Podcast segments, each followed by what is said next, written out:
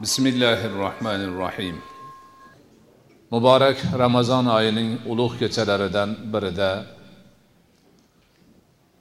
allohning kalomi qur'oni karimni taroveh namozida xatm bo'ladigan bir paytda muborak lahzalarda birgalikda tinchlik omonlik asosida ko'rishib dinimiz diyonatimiz shariatimiz borasida ilmlarimizni yana ham chuqurlashtirish niyatida bir suhbat qurish baxtiga muyassar bo'ldik.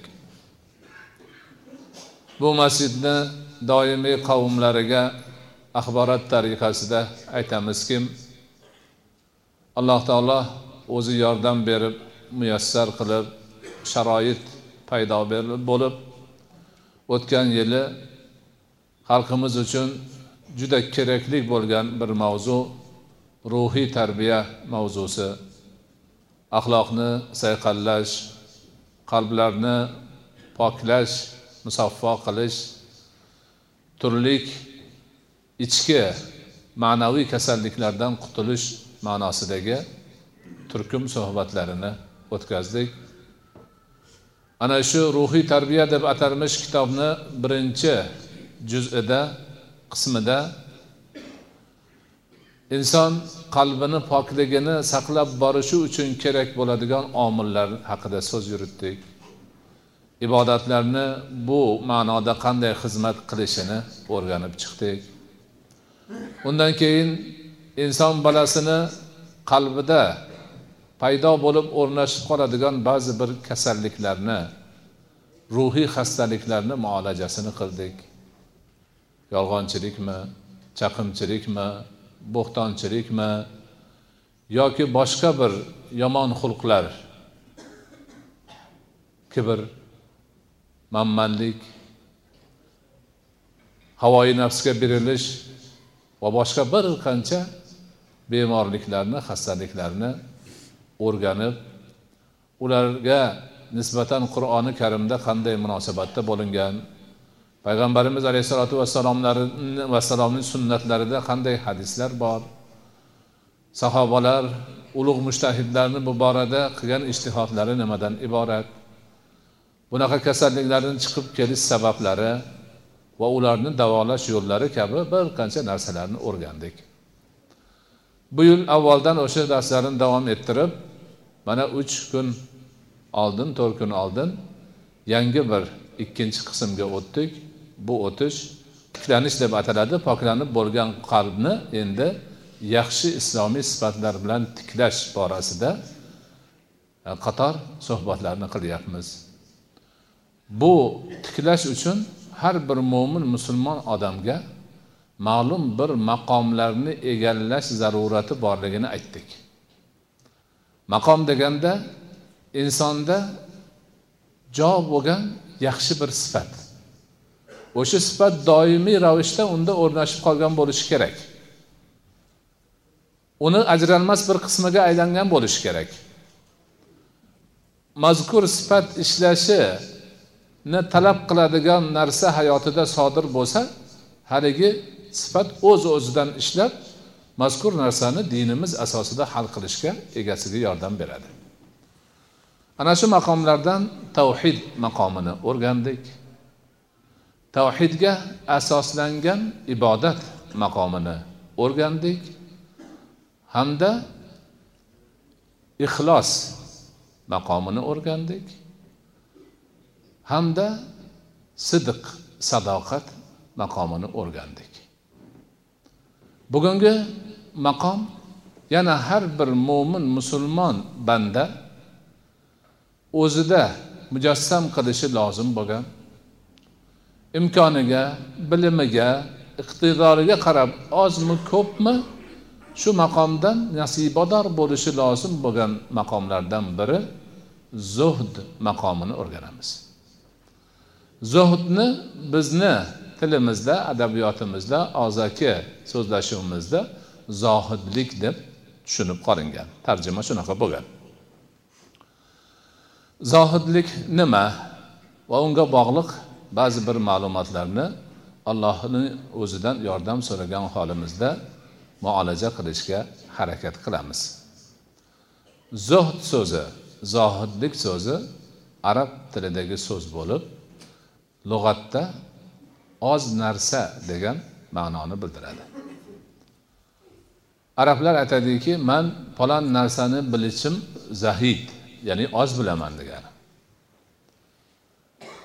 zuhd so'zi ana shu oz ma'nosidan kelib chiqib bir narsadan yuz o'girish biror narsadan voz kechish ma'nosiga ham ishlatiladi. Qalb xastaliklarini tabiblari bo'lmish mashoyihlarimiz ruh tarbiyasining ustozlari zuhdning ta'rifida aytadilarki zuhd niyat bilan savob umidida dunyodan molu mulkdan hoyi havasdan obro'dan mansabdan tiyilish. Yuz o'girish ulardan shuni zuhd deb ataladi. Bu boradagi buyuk imomlardan imomi g'azzaliy aytadilarki bir narsadan zuhd qildi degani undan rag'batini o'girdi degani bo'ladi. O'zi qiziqib turar edi rag'bat qilib turardi endi qiziqishi yo'qoldi boshqa yoqqa burildi. Ana endi o'sha o'girilgan narsa demak undan chetda qoldida burilgan narsasi unga rag'bat qilgan narsaga aylandi va muhabbat qo'ygan narsaga aylandi. Zuhd haqiqiy bo'lishi uchun zohidlik haqiqiy bo'lishi uchun nafs xohish qiladigan istab turadigan huzur qiladigan yaxshi ko'radigan narsadan burilib undan afzalroq narsaga yo'nalish kerak. O'ziga yoqmaydigan narsanidan yuz o'girsa uni zuhd demaydi. O'zi shundoq ham yoqmay turibdi. Ko'ngli ko'tarmay turibdi o'zi. Uni yuzi o'girmaydi o'zi aslida uni yomon ko'radi.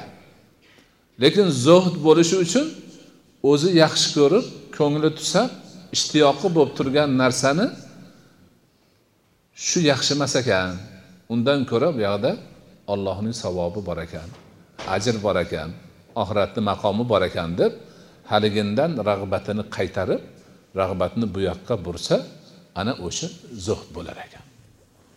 Demak zuhdni sobit bo'lishi uchun rag'bat qaytarilib voz kechilgan narsa bo'lishi kerak va rag'bat yangitdan qilinib muhabbat qo'yilgan narsa bo'lishi kerak.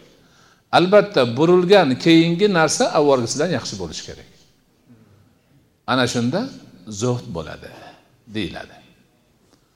Ko'proq dunyoni hoyi havasidan ortiqcha maishatdan keraksiz narsalardan yuz o'girib oxiratni savobiga umidvor bo'lishni zohidlik deyiladi.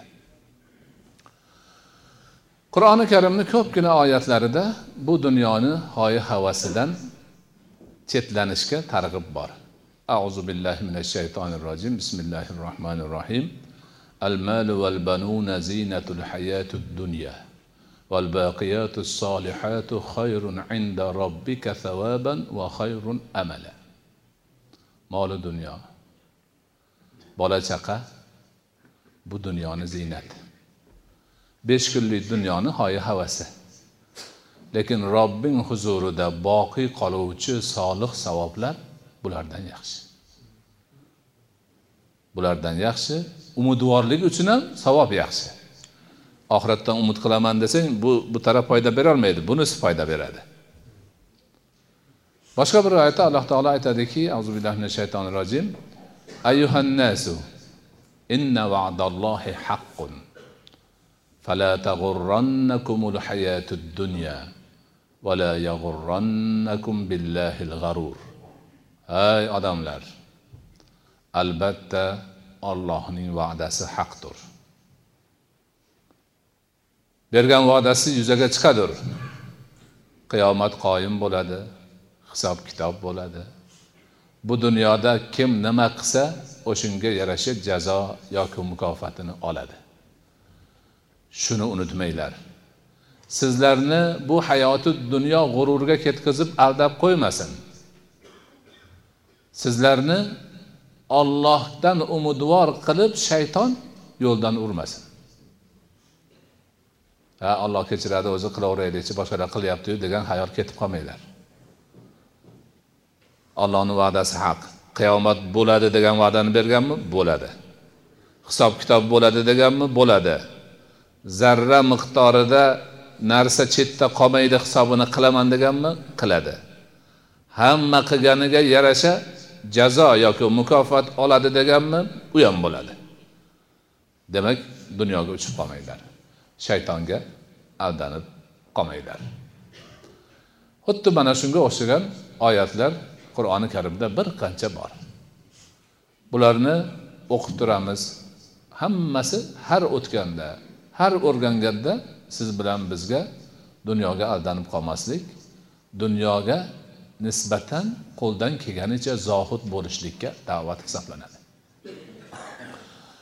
Payg'ambarimiz muhammad mustafa sollallohu alayhi vasallamning hadislariga nazar soladigan bo'lsak hadisi shariflarni jumlasida ham zuhdga zohidlikka oid o'ziga yarasha munosib hadislar bor.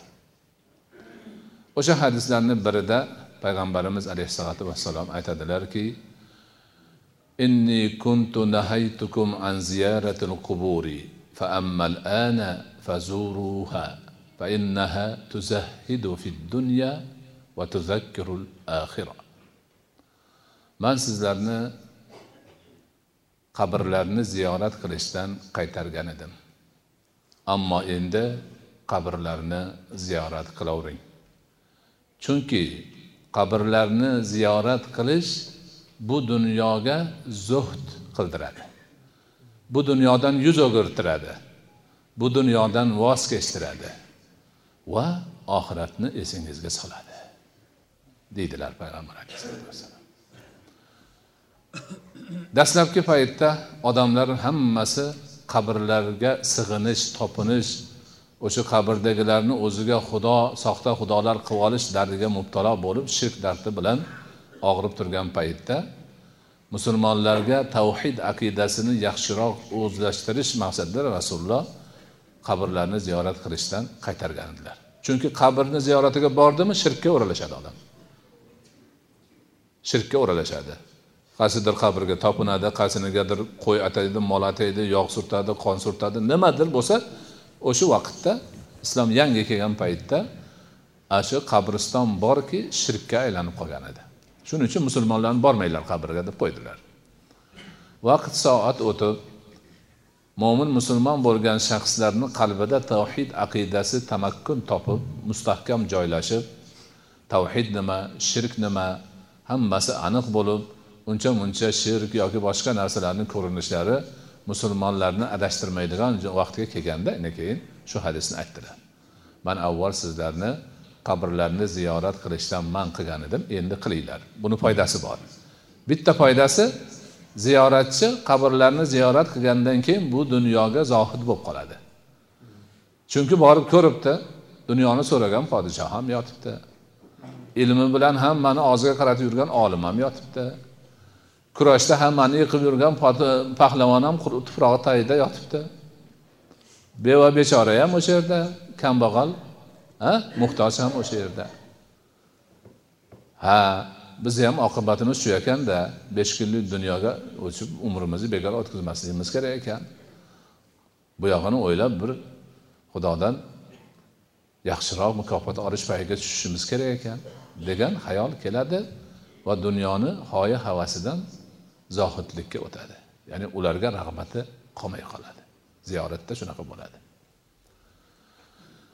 yana bir hadisda aytiladiki jaa rajulun ila rasuli sollallohu alayhi vasallam va qol ya rasululloh dullani ala amalin in idza amaltu bihi أحبني الله وأحبني الناس قال ازهد في الدنيا يحبك الله وازهد Fima fi aydin nasi yuhibbukan nasu. Bir odam keldi.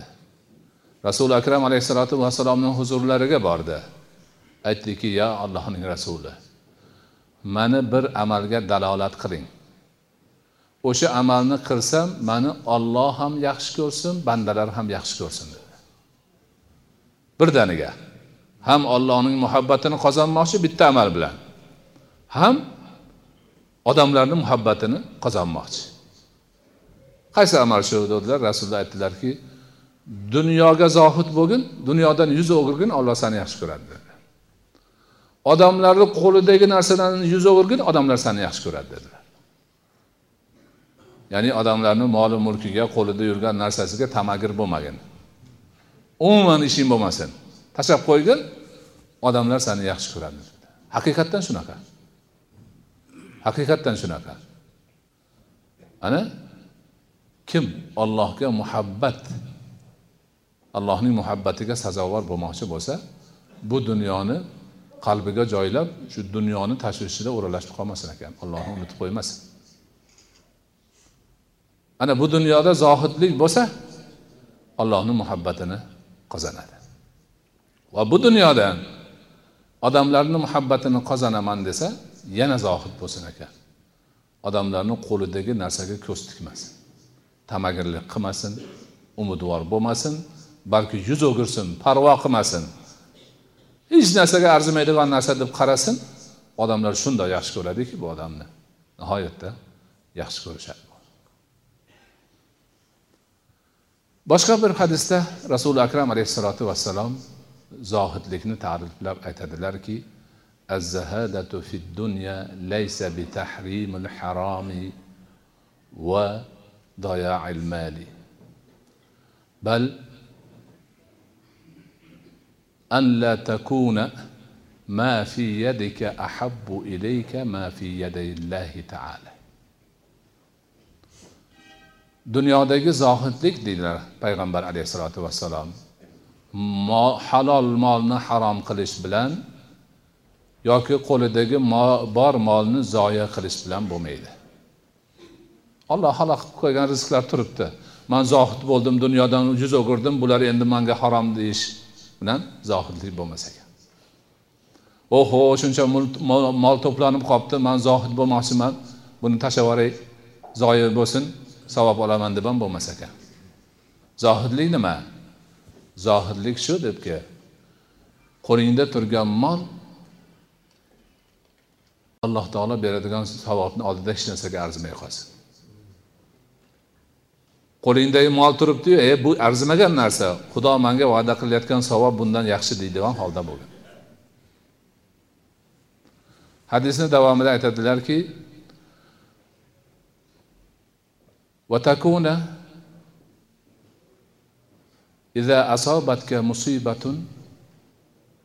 هي أوثق بك لو أن الله تركك فيك أو أبقاك فيه yana holing shunday bo'lsinki olloh sani bu dunyoda bir musibatga uchratgan bo'lsa shunga sabr qilib olgan savobing olloh mani kasal qilmaganda yaxshi bo'lardi deganga olib bormasin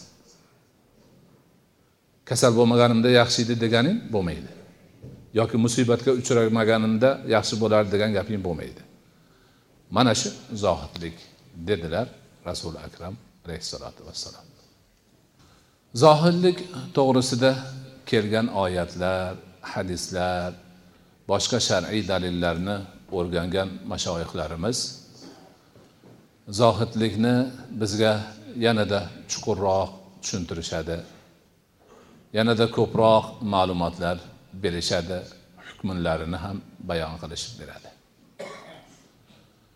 Harom narsadan zuhd qilishlik har bir mo'min musulmon uchun farzu ayndur deydilar. Alloh harom qilgan narsadan yuz o'girish voz kechish unga umuman qaramaslik mo'min bosh borki kim bo'lishidan qat'iy nazar farzi ayn boshiga farz. Olloh harom deb qo'ygan narsadan yuz o'girmasdan unga borib yuz tutish uni qilish yoki qandaydir bir narsa qilish mutlaqo mumkin emas. Ikkinchisi oxiratda zarar berishi aniq bo'lgan narsaga zohid bo'lishlik vojibdir. Bir ish bor shuni qilgan odam oxiratda qilgani uchun gunohi bo'ladida savol so'roqqa tutiladi. Shariat belgilab qo'ygan o'zi. Shundan zuhd qilish shundan qochish shundan yuz o'girish unga yaqin kelmaslik mo'min musulmon banda uchun vojibdir undan keyingi qism shubhali narsalar. Haromligi aniq emas shubha. Haromligida shubha bor halolligida shubha bor. Aniqlanmasdan shubhalanib turibdi. Bunda deydi hukmi shubhani hajmiga qaraydi. Agar o'sha narsani haromlik shubhasi kuchli bo'lsa uni tark qilish vojibdir. Haromlik shubhasi kuchsiz bo'lib halollik tarabi g'olibroq kelsa ham tark qilsa mustahab ish bo'ladi. Shubhada shubha. Undan keyingi zuhdni qismi ortiqcha narsalarda zuhd qilish. Ortiqcha narsalardan yuz o'girish. Ortiqcha narsalardan nima? O'zini olib qochish. Bunga hamma narsadagi ortiqcha narsa kiradi. Misol uchun gapdagi ortiqcha. Keragidan ortiq bema'ni gaplarni gapirishdan zuhd qilish kerak odam chunki u gaplarni savobi yo'q agar savobi yo'q bo'lib qolsa ham mayli edi ko'proq gunohga chorlashi bor. Behuda ko'p gapirilyapti vaqt o'tyapti kimnidir a yana uni ham shu holatga o'tkazilyapti. Shundan demak zuhd qilinishi yaxshi bo'ladi. Behuda ortiqcha keragi yo'q savollardan ham zuhd qilish kerak deydi ulamolarimiz. Yuz o'girish kerak. Keragi yo'q savol berilyapti. O'zini ham so'ralayotgan odamni ham birga o'tirganlarni ham umrini zoya qilyapti behuda gap bilan savol bilan ovora qilyapti. Va shunga o'xshagan boshqa hamma keragidan ortiq narsalardan zuhd qilishi kerak. Endi zuhdni yuqori nuqtasi deydilar allohning muhabbatidan allohning roziligidan boshqa hamma narsadan yuz o'girish. Ana shu holatlarni demak ulamolarimiz yaxshilab tushuntirib berganlar. Shu ta'limotlar asosida dunyodagi zohidlarning imomi payg'ambar alayhissalotu vassalomni o'zlaridirlar. Bu zoti babarakot alayhissalotu vassalom zohidlikda hammaga o'rnak namuna zohidlikni to'liq shakllantirgan o'z shaxslarida zot hisoblanadilar. U kishini zohidliklari har qadamda bilinib turgan. Dunyoni hammasi yig'ilganda u kishiga bir pashani qonatichalik qadr qimmatga ega bo'lmagan. Manga agar uhud tog'i tillo qilib berilsa deydilar uch kungacha uyimda bitta ham qolmas edi ya'ni bitta donasi ham qolmas edi haqdor odamlarga bo'lib berar edim deydilar. Haqiqatdan qo'llariga nima tushsa shuni darhol odamlarga haqdorlarga bo'lib berish paydan bo'lganlar. O'zlari yotoq joylarida yotib sahobalar kirganda o'rnidan tursalar bo'yrani izlari yonboshlarida turardilar sahobalar yig'lashar edi ko'rib. Robbil alaminning mahbub payg'ambari sarvari olamni yotoqlari shundan iborat edi. Bunga o'xshagan misollar nihoyatda ko'p. U kishining madrasasida o'qib ta'lim olgan zohidlik hujjatini shahodatnomasini olgan sahobalarni har biri dunyoga tatiydigan zohidlar edi. Hazrati abu bakr siddiq roziyallohu anhu o'zlari davlat boshlig'i bo'lib turgan xalifa bo'lib turgan davrlarida odamlar qarasa bozorda yuribdilar.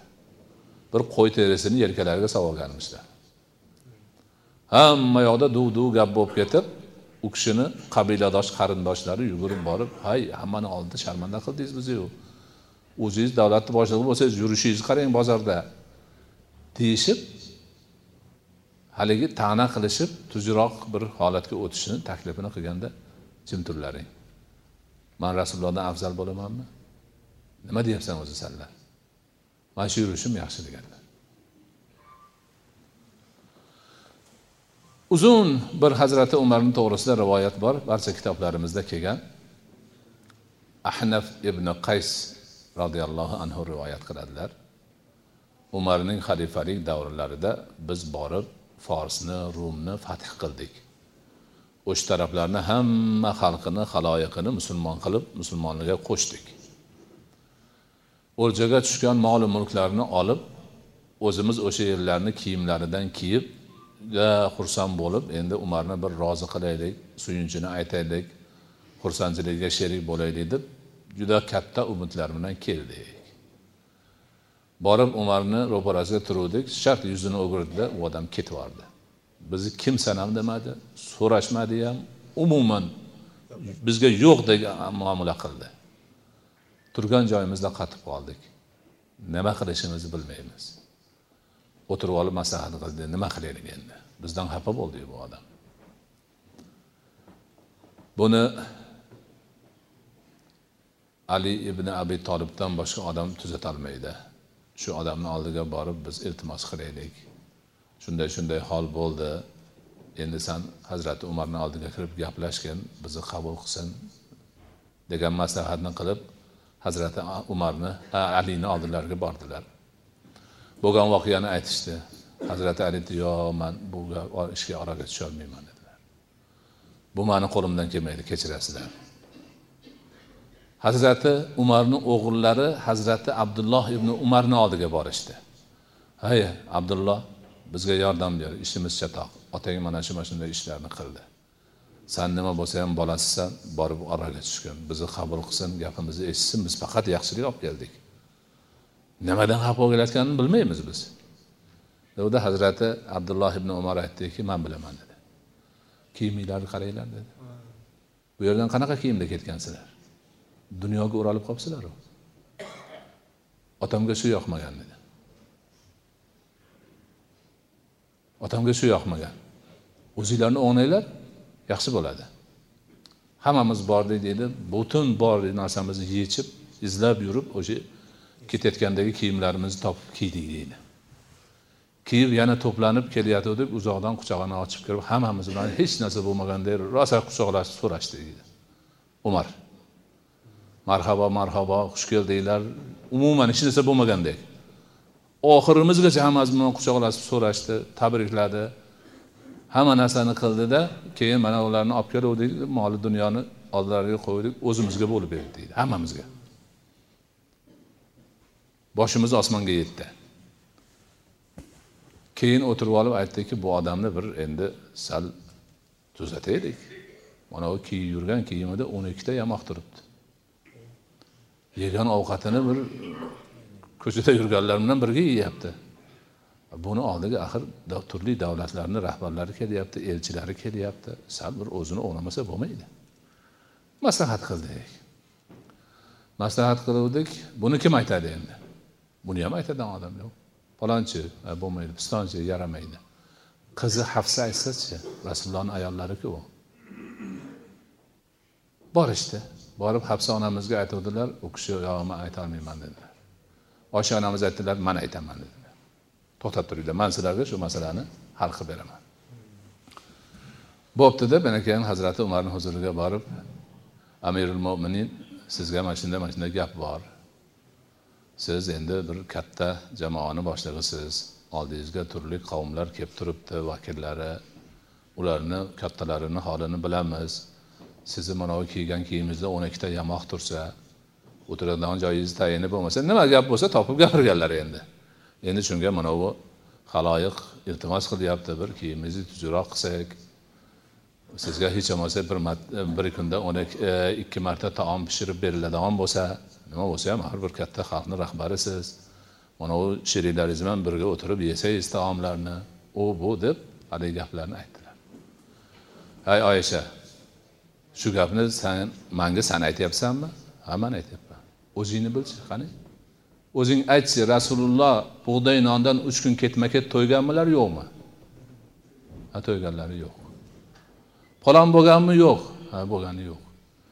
To'shagingda ikki ikki qavat to'shak solib qo'yganda kechasi turib bittasini oldirganlari rostmi yolg'onmi? Ha rost. Ho'p yana manga nima deysan? Yana manga nima deysan?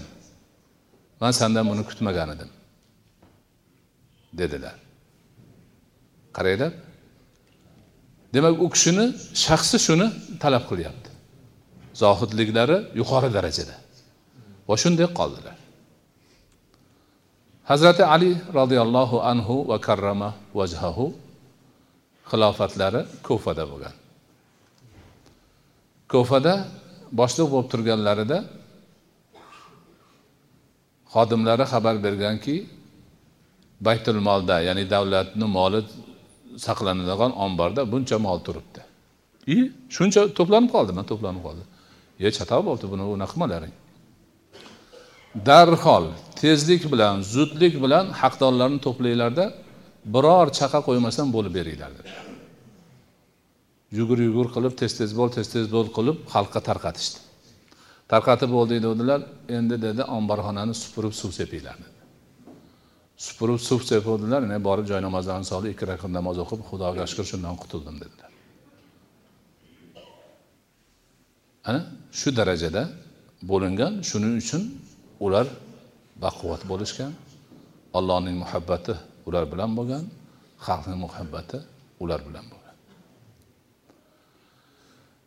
Ana zohidlik mana shunaqa nozik narsa.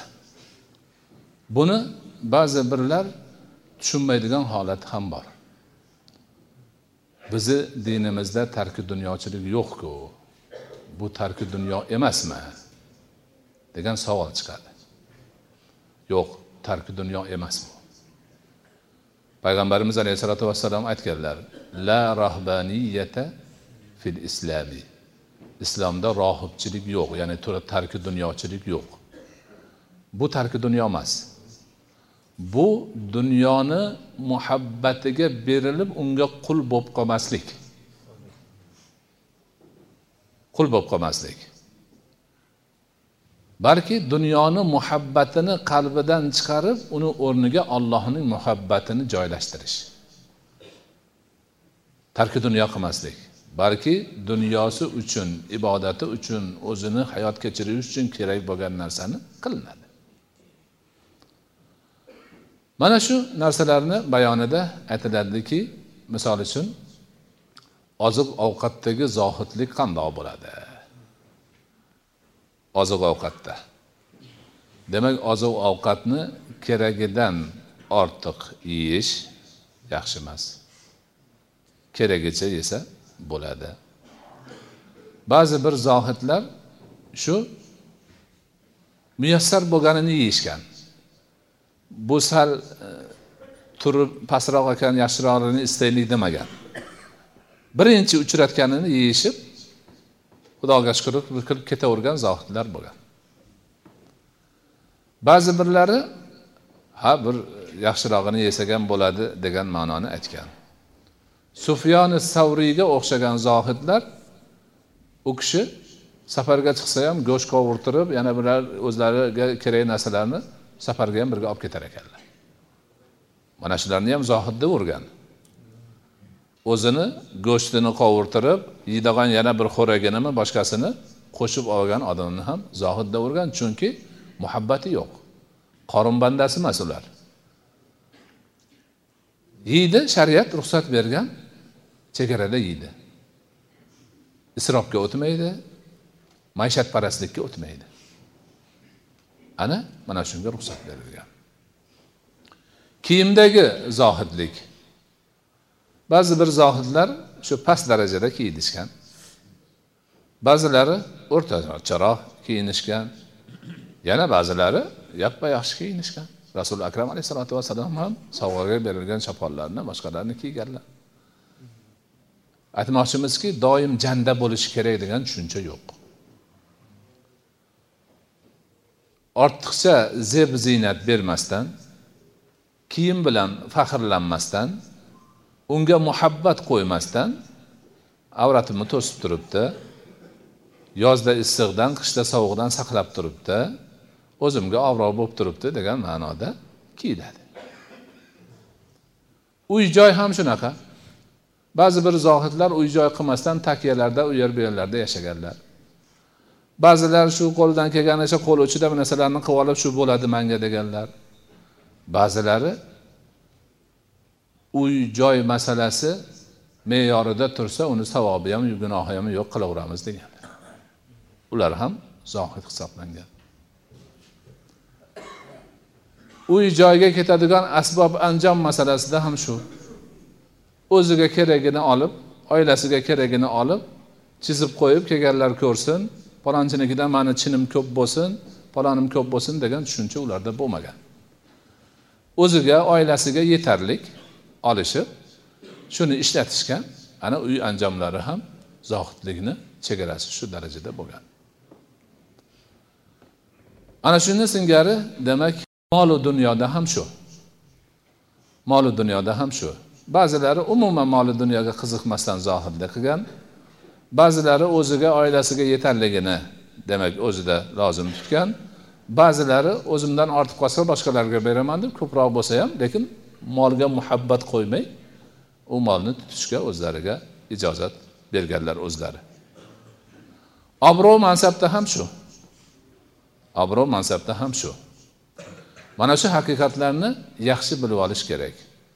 Bir taraflama bo'lishi kerak emas. Zohidlik bu tarki dunyo degan tushuncha noto'g'ri. Zohidman deb turib nimani xohlasa qilsa bo'laveradi degan gap ham noto'g'ri. Zohidlik dunyoni sevmaslik dunyoga qul bo'lib qolmaslik molu dunyo hoyi havas ayshi ishratni aytganiga yuradigan bo'lib qolmaslik. Balki qalbi doimo allohning muhabbati bilan turadi va moli dunyoga umuman e'tibor yo'q muhabbat yo'q unga o'zini ovora qilmaydi. Abdulloh ibn marvar e, muborak al marvaziy juda buyuk zot.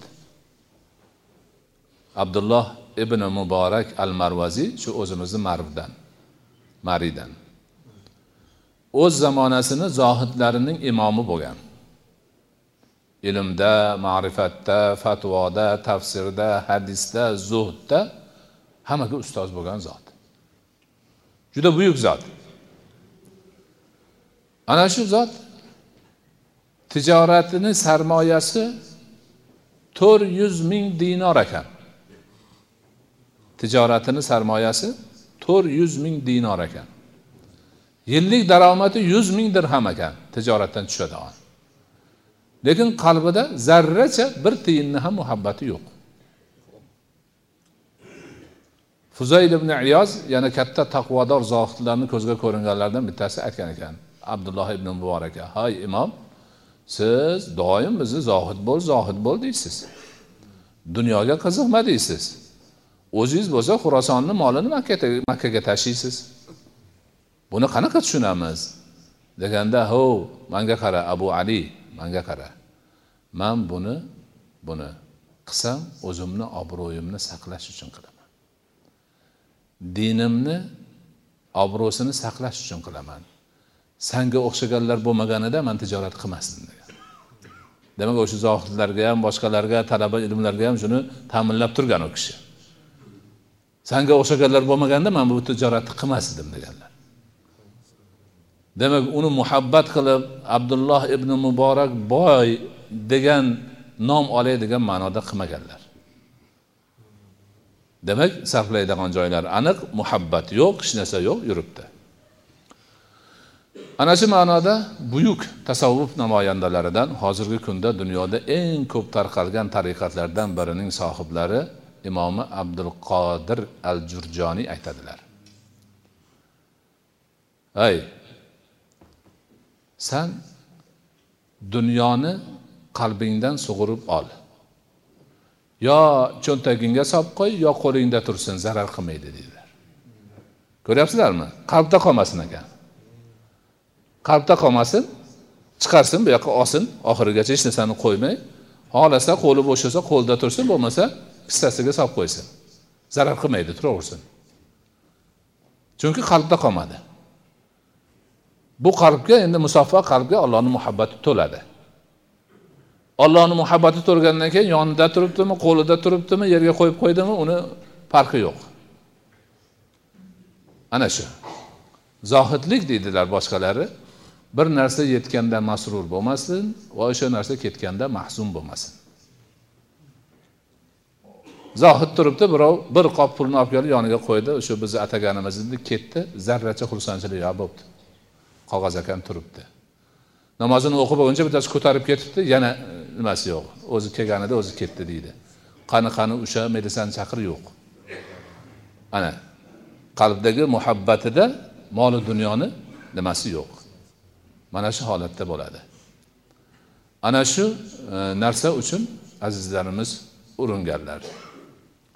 Man bundan taxminan bir yigirma yetti yigirma sakkiz yil oldin azharni shayxlaridan bo'lgan abdul halim mahmud rahmatullohi alayhni bir tasavvuf to'g'risidagi kitobini o'qigan edim.